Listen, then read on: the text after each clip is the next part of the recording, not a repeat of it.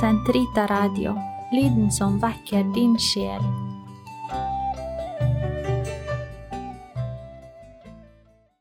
Den katolske kirkes katekisme, uke 6, søndag, paragraf 25 98 til 2606. Andre artikkel i tidens fylde. Bønnens drama åpenbares for oss fullt ut i ordet som ble kjød, og har oppslått sin bolig iblant oss. Å forsøke å forstå hans bønn gjennom det hans vitner beretter for oss i evangeliet, det er å gå nær til den hellige Herre Jesus, som til den brennende tornebusk. Først å betrakte ham selv i bønn, dernest lytte til hvordan han lærer oss å be, for til sist å få vite hvordan han hører vår bønn. Jesus ber. Guds sønn, som var blitt jomfruens sønn, lærte å be etter sitt menneskehjerte. Han lærte det av sin mor, som bevarte alle de store ting den mektige hadde gjort, og grunnet på dem i sitt hjerte. Han lærte det i sitt folks bønneord og sanger, i synagogen i Nasaret og i tempelet. Men hans bønn veller ut av en ganske annerledes og hemmelig kilde, slik han lar skinne igjennom allerede i tolvårsalderen. Jeg hører til der hvor min far er. Her begynner det nye som ligger i det å be i tidens fylde, og komme for en dag. Den barnlige bønn, den Faderen venter fra sine barn, skal nå til sist virkeliggjøres av den enbårne Sønn selv, i hans menneskenatur, sammen med menneskene og for dem. Lukasevangeliet understreker Den hellige ånds virke og bønnens betydning i Kristi virksomhet. Jesus ber før de avgjørende øyeblikk i sitt liv, før Faderen vitner om ham ved dåpen og forklarelsen, og før han ved sin lidelse oppfyller Faderens kjærlighetsplan. Han ber også forut for de avgjørende øyeblikk da utsendelsen av apostlene forberedes før han utvelger og kaller de tolv, før Peter bekjenner at han er Guds salvede, og for at troen til apostlenes høvding ikke skal svikte i prøvelse. Jesu bønn forut for de, de frelsens begivenheter som Faderen ber ham fullbyrde, består i at hans menneskevilje ydmykt og tillitsfullt overgir seg i Faderens kjærlige vilje. En dag var han et sted og ba, og da han var ferdig med å be, sa en av disiplene til ham, Herre, lær oss å be.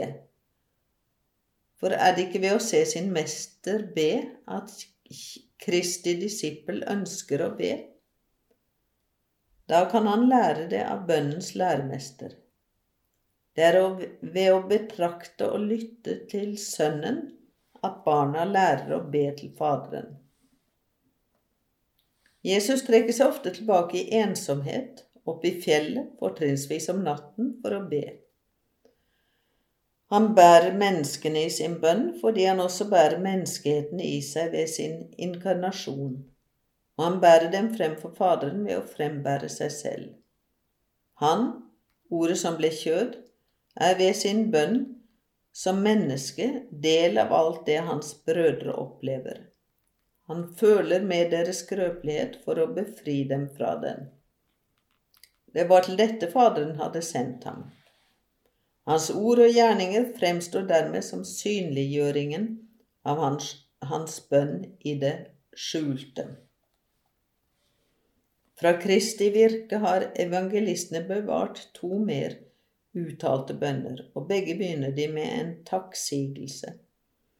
I den første bekjenner Jesus Faderen anerkjenner og velsigner ham fordi han har skjult rikets mysterier for dem som tror seg klok og forstandige, og har åpenbart det for de små, de fattige i saligprisningene. Hans bevegelse Ja, far, kommer fra hjertet. Det er hans tilslutning til Faderens behag, en gjenklang av hans mors fiat da han ble unnfanget, en foregripelse av det han kom til å, kommer til å si til Faderen under sin lidelse. Hele Jesu bønn består i hans menneskehjertes kjærlighetsfylte samtykke i Faderens skjulte vilje. Den andre bønnen gjengis av Sankt Johannes før oppvekkelsen av Lasarus. Takken går forut for selve begivenheten. Far, jeg takker deg fordi du alltid har hørt meg, noe som innebærer at Faderen alltid hører hans bønn, og Jesus legger med en gang til, jeg visste at du alltid hører meg, noe som innebærer at Jesus på sin side alltid ber om noe. Slik åpenbarer Jesu bønn, båret av takksigelse, oss hvordan vi skal be. Før gaven gis, slutter Jesus seg til ham som gir, og som gir seg selv i sine gaver. Giveren er mer verdifull enn en gave som gis. Han er skatten. Det er i ham Sønnens hjerte er. Gaven gis i tillegg. Jesu ypperste prestelige bønn inntar en særstilling i frelsens økonomi. Den skal vi meditere over på slutten av første del. Den åpenbarer nemlig vår ypperste prests bønn, som stadig finner sted, og på samme tid inneholder den det han lærer oss i vår bønn til Faderen, som skal behandles i annen del. Da timen var kommet, da han oppfylte Faderens kjærlighetsplan, lar Jesus ane hvor ufattelig dyp hans bønn som sønn er. Ikke bare før han frivillig overga seg, Far, men la ikke min, men din vilje skje. Men like til sine siste ord på korset, hvor bønn og hengivelse går i ett. Far, tilgi dem, for de vet ikke hva de gjør. Sannelig, det lover jeg deg, ennå i dag skal du være med meg i paradis. Kvinne, der står din sønn, der står din mor. Jeg tørster, Min Gud, min Gud, hvorfor har du forlatt meg? Det er fullbrakt. Far, i dine hender overgir jeg min ånd. Ligger til det høye rop da han utåndet og overga sin ånd.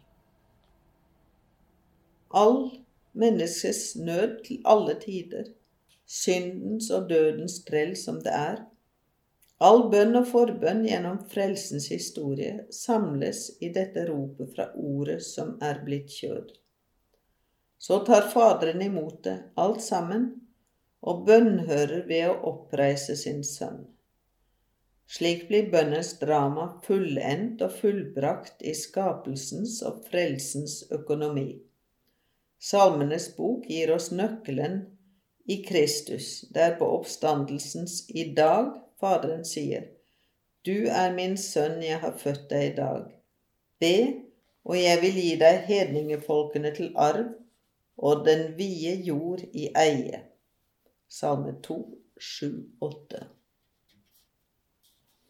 Brevet til hebreerne uttrykker på en dramatisk måte hvordan Jesu bønn vinner frelsens seier. I sine levedager her på jorden ba og bønnfalt han ham som kunne frelse ham fra døden, under gråt og høy klage, og han ble bønnhørt for sin fromhets skyld. Enda han var sønn, lærte han lydighet ved det han led. Så, da han hadde nådd fullendelsen, ble han opphav til evig frelse for enhver som gir seg inn under ham. Hebreerne 5, Should.